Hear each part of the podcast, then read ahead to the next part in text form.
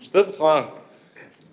Det er ved at være fast rutine efterhånden, at du, at du er lidt på forskellige pladser. Ja, det er rigtig fint. Velkommen til. Og vi starter jo som regel altid med en sang, det gør vi også i dag, og der er det Musa Utu, der har valgt nummer 279, Kom mig, du søde Mille. 279.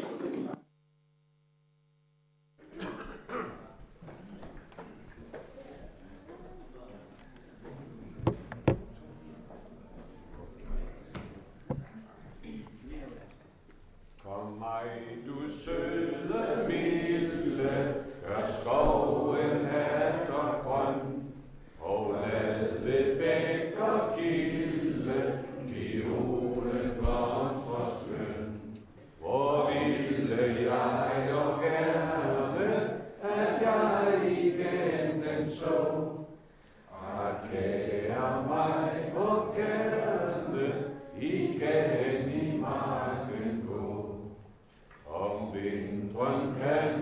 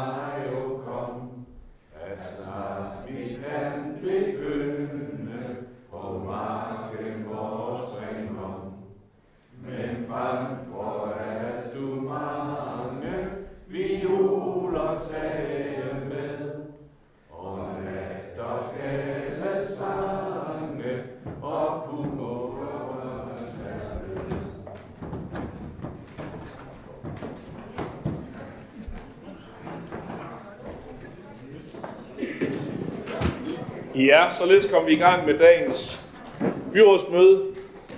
Første punkt på dagsordenen hedder godkendelse af dagsordenen, og øh, der er det jo lidt øh, særligt i dag, at vi faktisk har fire sager, som vi øh, såkaldt dobbeltbehandler. De har været på økonomiudvalget her i formiddag. Det er sag nummer 2, nummer 9, nummer 10 og nummer 11. Øh, og øh, de er alle blevet godkendt på, på øh, dagens øh, økonomiudvalgsmøde, og er nu til behandling her i byrådet. Jeg skal høre, om øh, der er nogle bemærkninger til dagsordenen. Det ser ikke ud til at være tilfældet, så kan vi hermed godkende dem.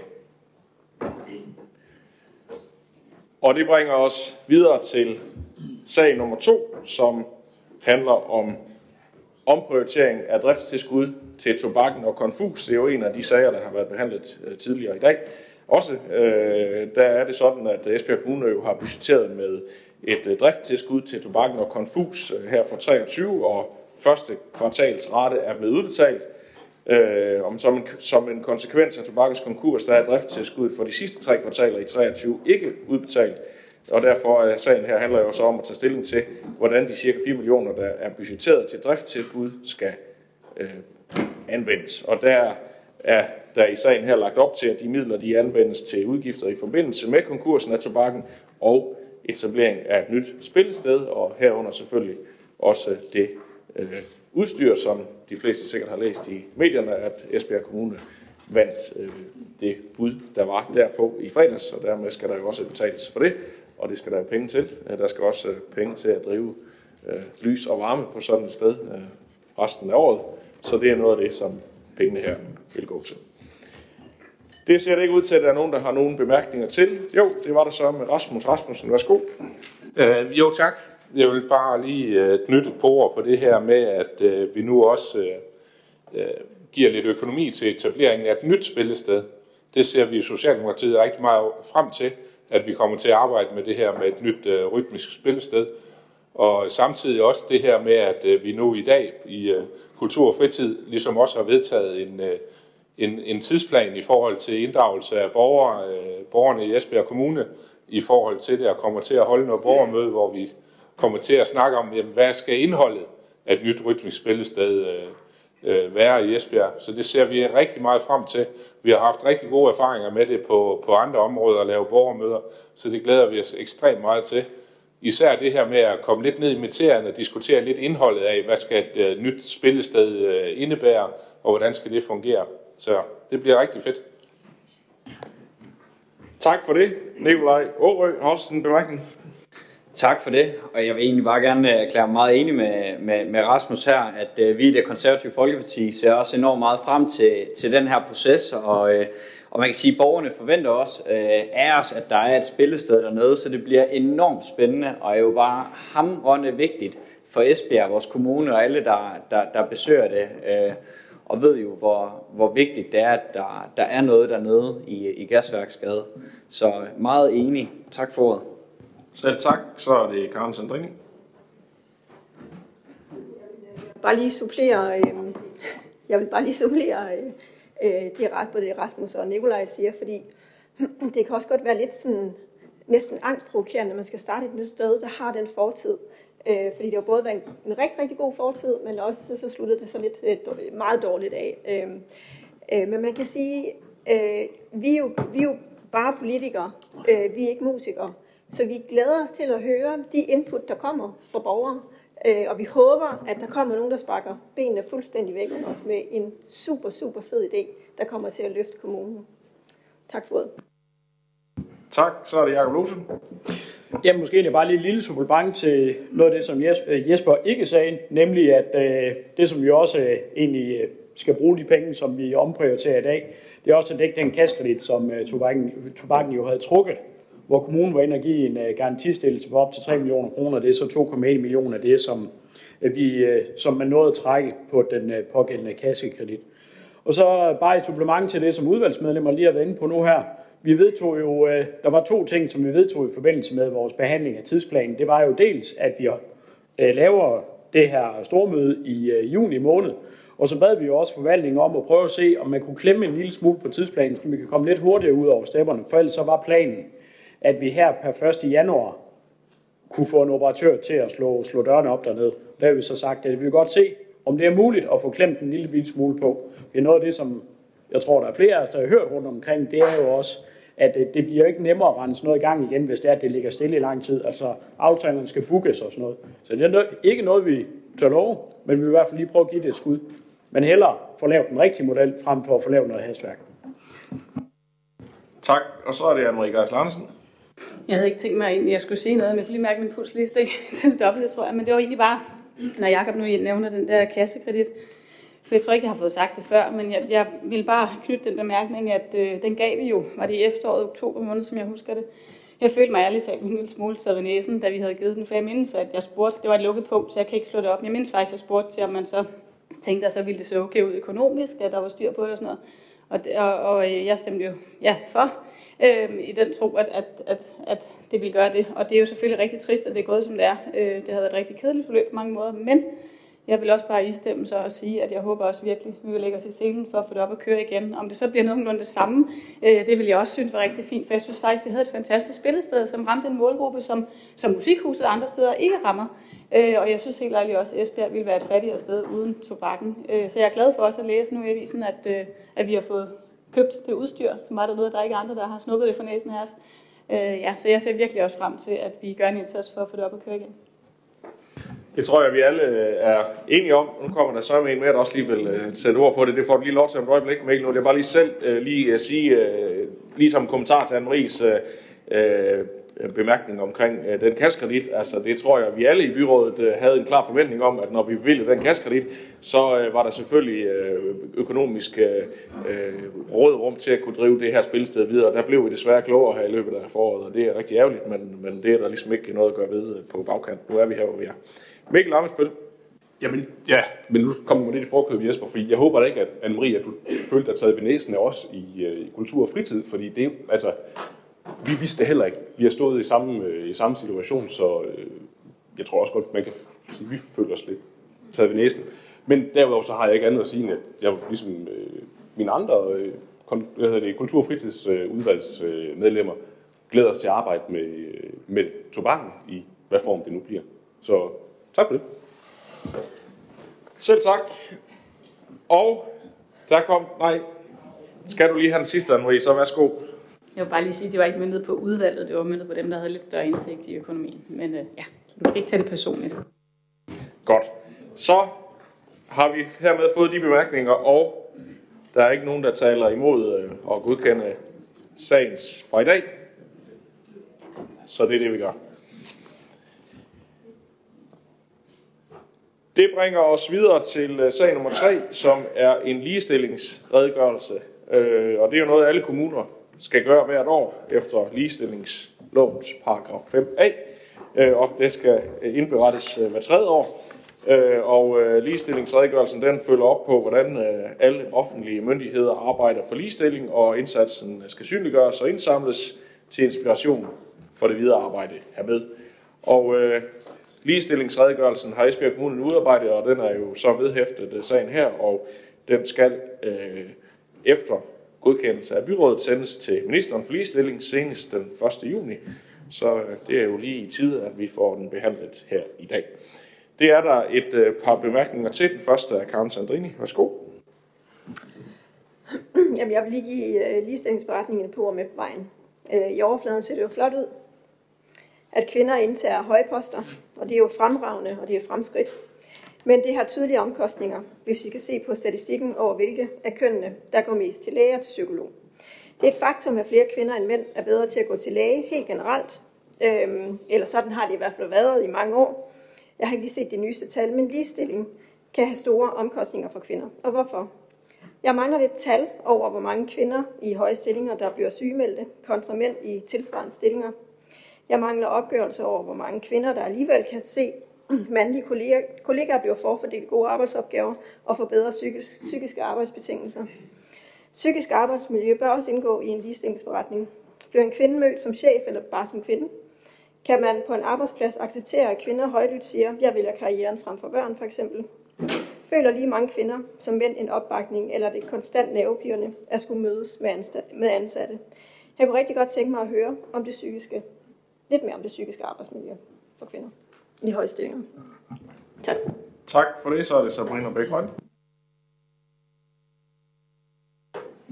Ja, øh, det her det er jo en sag, der er et tydeligt tegn på, hvordan at, øh, vi kan, har, stadig har noget, vi kan afbiokratisere. Fordi det er jo rigtigt, som Karl Sandrine siger, der er jo flere ting, man også skal perspektivere, men det ligger nok lidt mere i ligebehandling end i ligestilling. Øhm, så det her det er i hvert fald noget af det, jeg ikke mener, at vi behøver at bruge ret meget mere tid på. Men vi skal det, men vi kan da appellere til Christiansborg, at det ikke er noget, vi behøver at gøre. Tak for det. Yes, og med de synspunkter øh, kan vi hermed godkende ligestillingsredegørelsen, så den kan blive indsendt til ministeren. Det bringer os videre til øh, sag nummer 4, som øh, handler om ændring af udpegningen til bestyrelsen for Kommunikationscentret. Der blev øh, der i øh, helt tilbage i 2011 besluttet, at der skulle udpeges et medlem fra Sundhed- og Omsorgsudvalget og et medlem fra Social- og Arbejdsmarkedsudvalget til den her bestyrelse.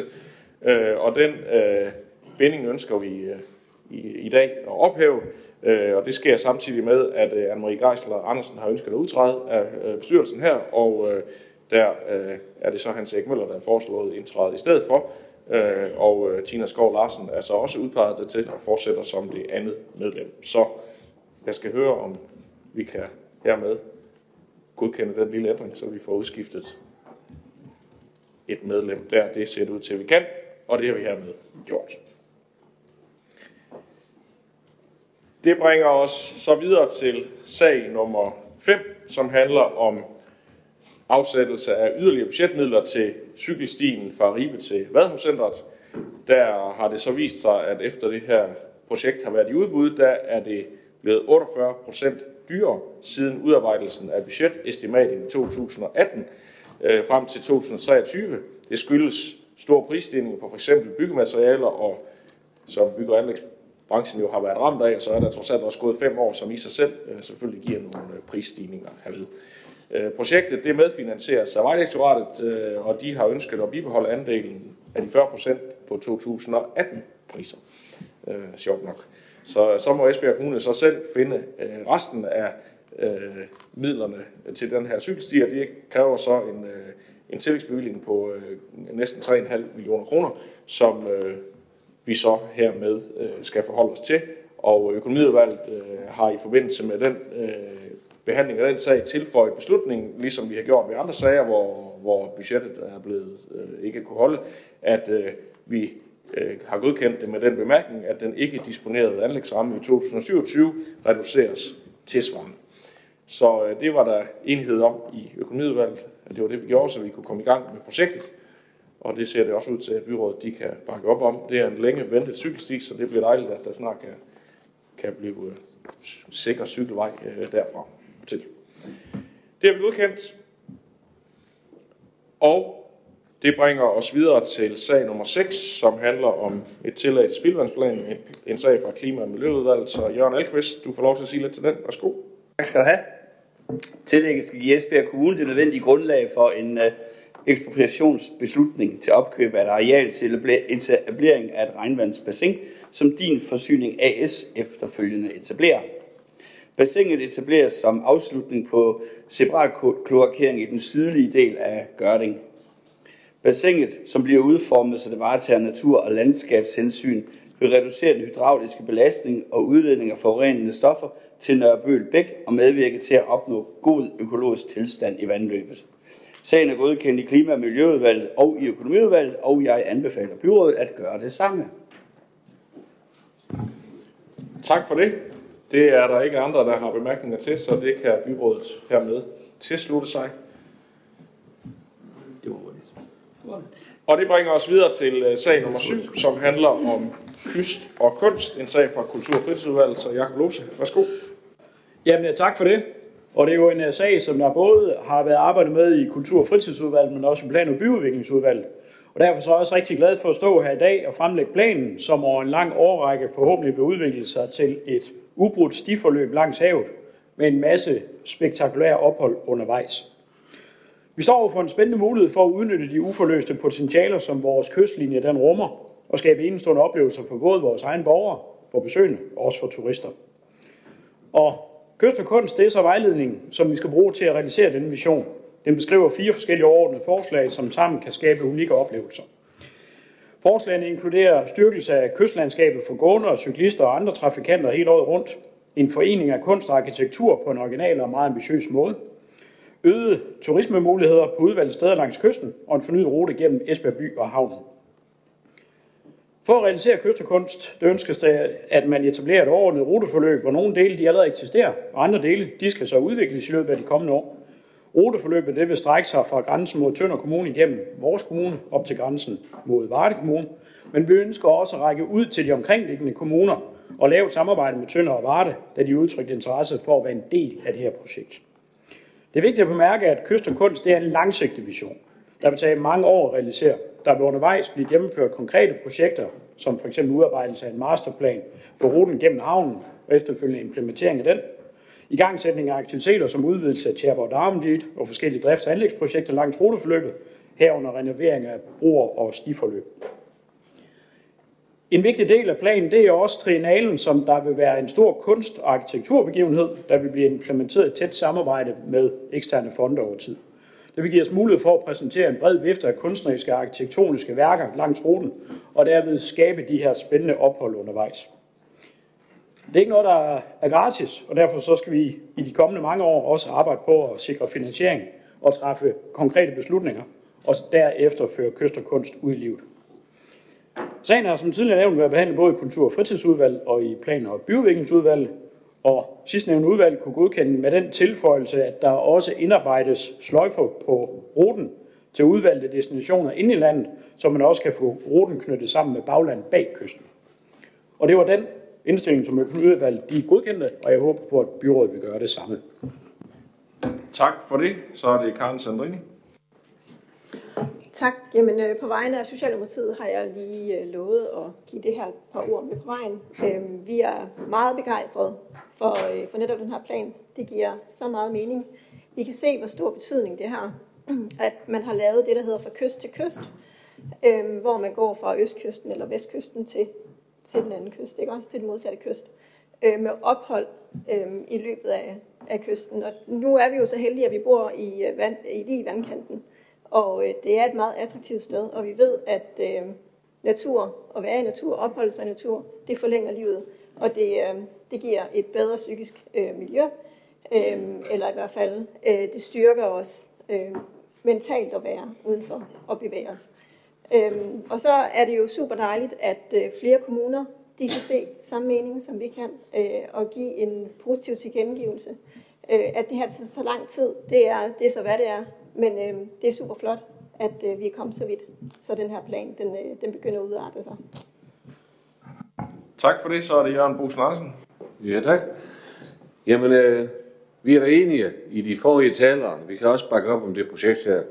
Jakob Lose var jo godt inde på at beskrive det hele. Men i hvert fald, så synes vi også, det er spændende det der med, at, øh, at de ting, der bliver etableret langs ruten, altså der, der er nogle konkrete ting i det her. Det er, Udover det, at man snakker om at lave noget godt, så er der også nogle konkrete forslag til, hvad man kan gøre. Øh, så det hænger rigtig godt sammen at få de aktiviteter langs med Vadehavskysten. Det vil også være et fint projekt at kunne lave sammen med, med i hvert fald Tønder. Tager du op til, til grænsen til Varde, eller skal vi have Varde med os? Ja, Varde med også her. Så, så det bliver rigtig fint for de tre kommuner at, at lave det i, i fællesskab. Man kunne også forestille sig at kystsikringen øh, som vi snakker om. Vi har snakket om det i klima- og miljøudvalget, at, øh, at nu skal der til at laves noget ekstraordinær kystsikring ind igennem Esbjerg by. Og det kunne man jo også sagtens forestille sig, at det kunne blive en del af sådan en rute her, og gøre det mere spændende at kigge på, end bare en 90 cm høj mur. Og det ved jeg allerede, at det også har planer om, men det, det er også en del af ting, der kunne ind i det. Og så vil jeg da sige til sidst, øh, det bliver, at udover at det bliver rigtig godt, øh, så kan det måske også være med til at få regeringen til at, at, at få dem til at, at komme lidt til fornuft, så vi undgår de her 450 meter høje vindmøller langs kysten. For det vil i hvert fald ikke øh, i min verden spille særlig godt sammen med det projekt, vi her har her med kunst og, og kultur. Tak for ordet. Ja, selv tak. Jeg ved nu ikke lige om øh, det, at vi vedtager en plan i byrådet her, skulle få regeringen til at øh, lige den del øh, ændre på, på processen der, men vi vedtog jo på sidste byrådsmøde, at vi er enige om, at 450 meter høje møller herude ved Vadehavet, det er en rigtig dårlig idé, og det har vi også i fællesskab skrevet til ministeren og, og pointeret. Så lad os nu håbe, at den sag bliver lagt i graven, så, så den her plan her, den kan komme til at blomstre i løbet af de næste mange år. Yes, vi øh, har ikke flere på talerlisten her, så øh, vi kan hermed godkende øh, plan- og byudviklingsudvalget og økonomiudvalgets øh, indstilling. Det bringer os videre til øh, sag nummer 8, som også er en sag for Kultur- og Fritidsudvalget omkring øh, Ribe Vikingcenter. Jakob, du får ordet igen. Værsgo. Jamen, øh, tak for det. Og det er, det er jo en sag, som vi for år tilbage i forbindelse med budgetvedtagelsen for 2021-2024 afsatte rådsbeløb på godt 4,6 millioner kroner til. Ripa Ringborg det er en plan om at opføre et indgangsparti til en ringborg samt garnisonsbygninger. De faciliteter de vil give forbedrede rammer for både de mange besøgende, herunder både skoleklasser og børnefamilier, samt Vikingcenters mange, mange frivillige, der gør et uvurderligt stykke arbejde for centret. Det samlede budget for projektet er på omkring 12,6 millioner kroner, med fondsmidler, som udgør 4,6 millioner, et kommunalt tilskud på 5,5 millioner kroner i udbetalingsværdi, og så en egenfinansiering på 2,5 millioner kroner. Og et af de primære formål med projektet det er at inddrage flere lokale frivillige på nye måder, samt at danne nye interessegruppe med fast tilknytning til centret på helårsbasis. De nye faciliteter de vil også danne rammer om nye fysiske aktiviteter for skoletjenesten og centrets øvrige besøgende, hvilket vil give endnu flere mennesker mulighed for at opleve og engagere sig i vores lokale historie og kultur. Så vil jeg også bare sige, at øh, det er simpelthen et imponerende stykke håndværk, der skal til for at opføre sådan et autentisk byggeri. Øh, der er nogle af jer, som der har været nede og set, at de er jo sådan set i, i godt gang, og det er jo meget sådan, det, det er håndarbejde, det som, som de laver. Der er nogle af jer, som der har selv har været med til i det helt små at producere stumper til det. Vi var nede og øh, lavede tag, tagsten i øh, træ. Øh, jeg tror ikke, vi kunne blive fastansat, nogen af os. Dels fordi, at jeg tror ikke, vi holder akkorden, men dels så tror jeg også, vi vil hakke fingrene af os selv på et eller andet tidspunkt. Men øh, vi er nogle stykker, som der har lavet en lille tagsten hver især. Det er et fantastisk projekt, som jeg håber på, at byrådet vil frigive det afsatte anlægstilskud til, og det har både Kultur- og Fritidsudvalget og Økonomiudvalget nikket til. Tak for det. Så er det Rasmus Rasmussen. Ja, tak. Jeg vil bare lige knytte en enkelt øh, ord eller to på det her med frivilligheden øh, nede på Ribe Vikingcenter. De havde faktisk i 22 sæson 1352 frivillige.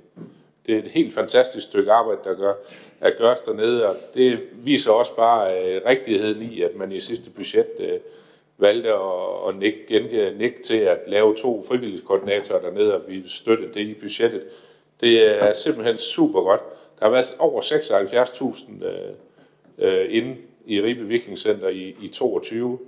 Øh, det er 22.000 mere end det, der var budgetteret med, man budgetteret lidt konservativt. Men det viser jo bare, at man virkelig har gang i noget af det rigtige dernede.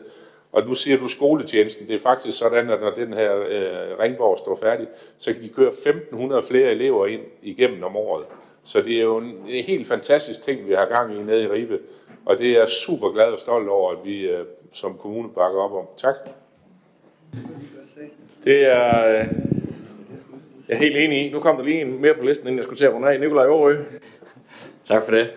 Jeg vil bare lige hurtigt stemme i, og jeg, og jeg tror egentlig, jeg er helt enig i Jacob. Jeg tror, øh, jeg tror aldrig, at snedgør, det bliver vi nok aldrig. Øh, men, øh, men, det, men det var sjovt også at være på besøg dernede, og det er jo helt fantastisk også at tale med nogle af de her frivillige, som har kørt fra forskellige lande.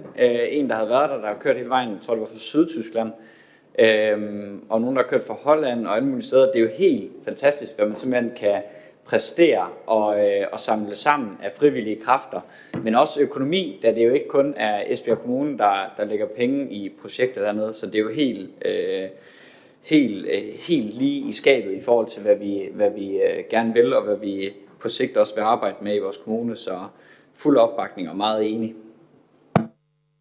Tak for det. Det er et rigtig godt øh, projekt, og øh, det, øh, jeg er helt enig i, det var godt, vi øh, fik fundet penge til de frivillige koordinatorer, fordi at øh, øh alternativet, øh, hvis, øh, hvis ikke man havde de frivillige, det er svært at forestille sig. Det er virkelig et øh, fundament for, for Viking Center, der nu får vi snart endnu en attraktion øh, færdig øh, bygget.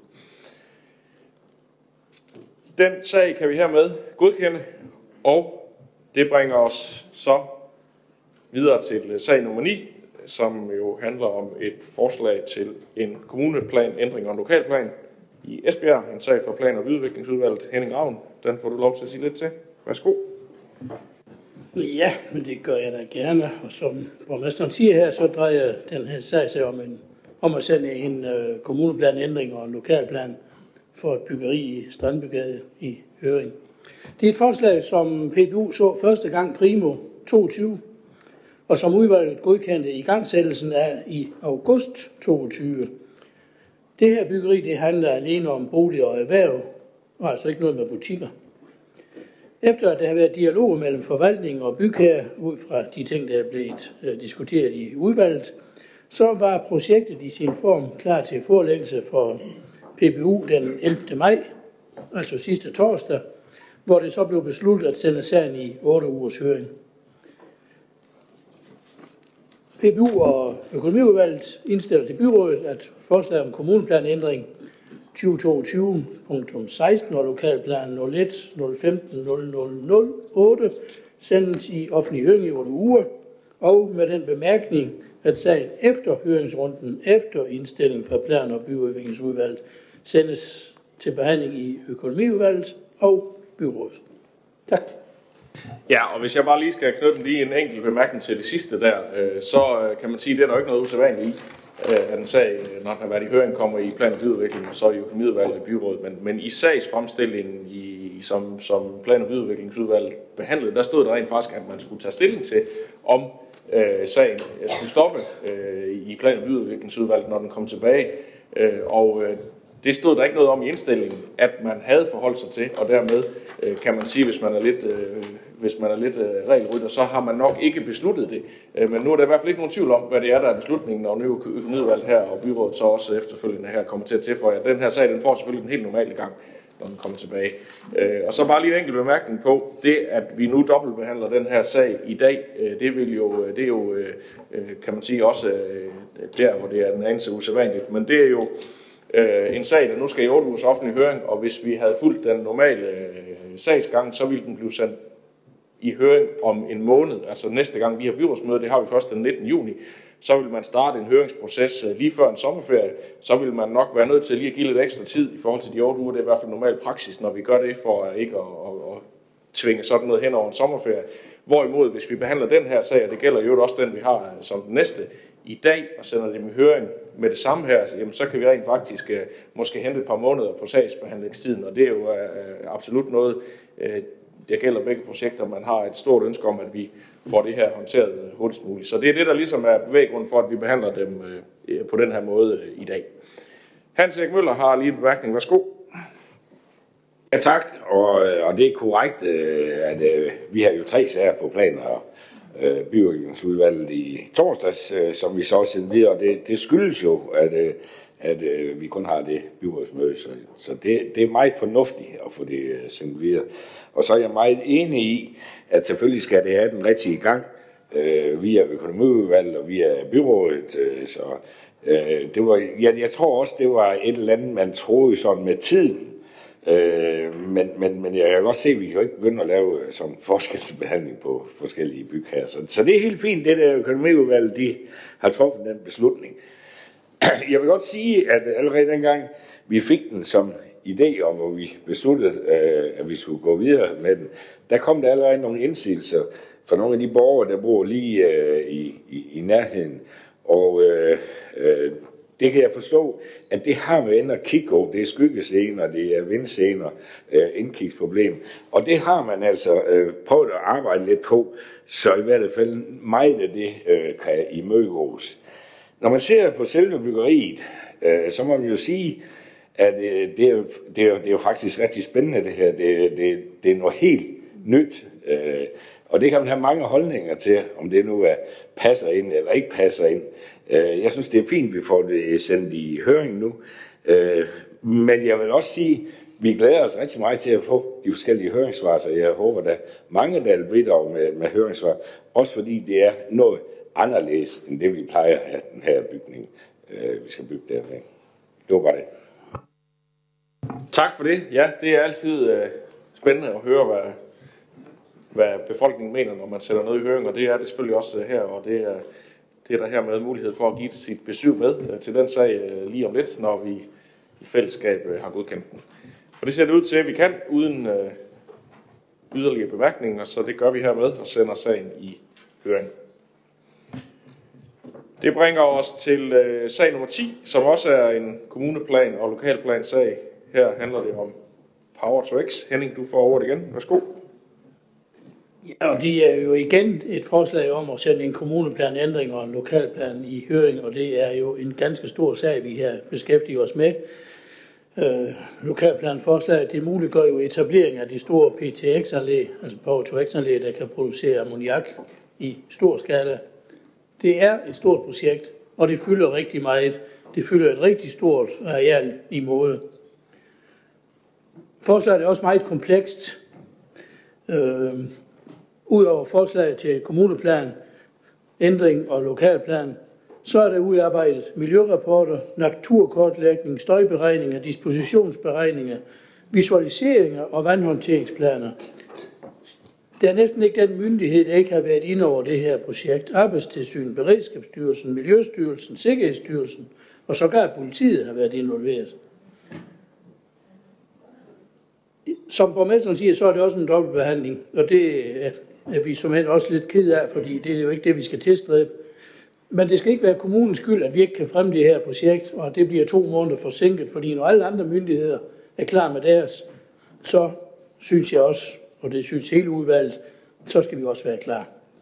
Så derfor så øh, er indstillingen, at øh, kommuneplanændring og lokalplan og miljørapport for høst over til X i Esbjerg godkendes med henblik på offentlig høring i 8 uger. Tak. Tak for det. Så er det Jakob Lø. Jo, tak. Tak for ordet. Og, og, og nu skal I øh, læne jer tilbage. Det er ikke uh, jer, jeg mener det her til, men altså PTX. Der er nu mere end 27 annoncerede PTX-anlæg og projekter i Danmark. Og det bliver helt sikkert en del af den fremtid, vi kigger ind i. Men lige nu, der falder det her X mig i øjnene. X, det står jo, hvis man sætter sig ind i, så er det det her med vedvarende energi. Altså solceller og, og vind skal energien komme fra. Og så langt, så godt, øh, så kan man stille sig selv spørgsmålet. Jeg har ikke svaret, og det har jeg, men det giver jeg ikke. Det kan I gå hjem og finde ud af. Hvor mange vindmøller er så stillet op i Danmark inden for de sidste fem år?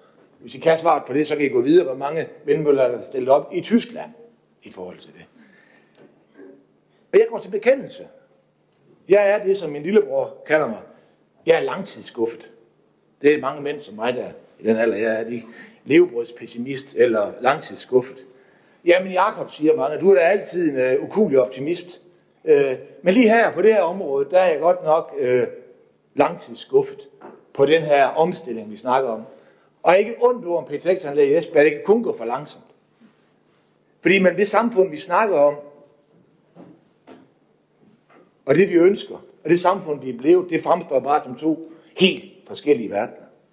Der er jo ingen, som over de seneste årtier overbevisende har forsvaret den position, at det ikke er særlig vigtigt, at vi, at vi når vores klimamål, og derfor bare må leve med ekstreme og ustyrlige klimaforandringer, som civilisationens skæbne.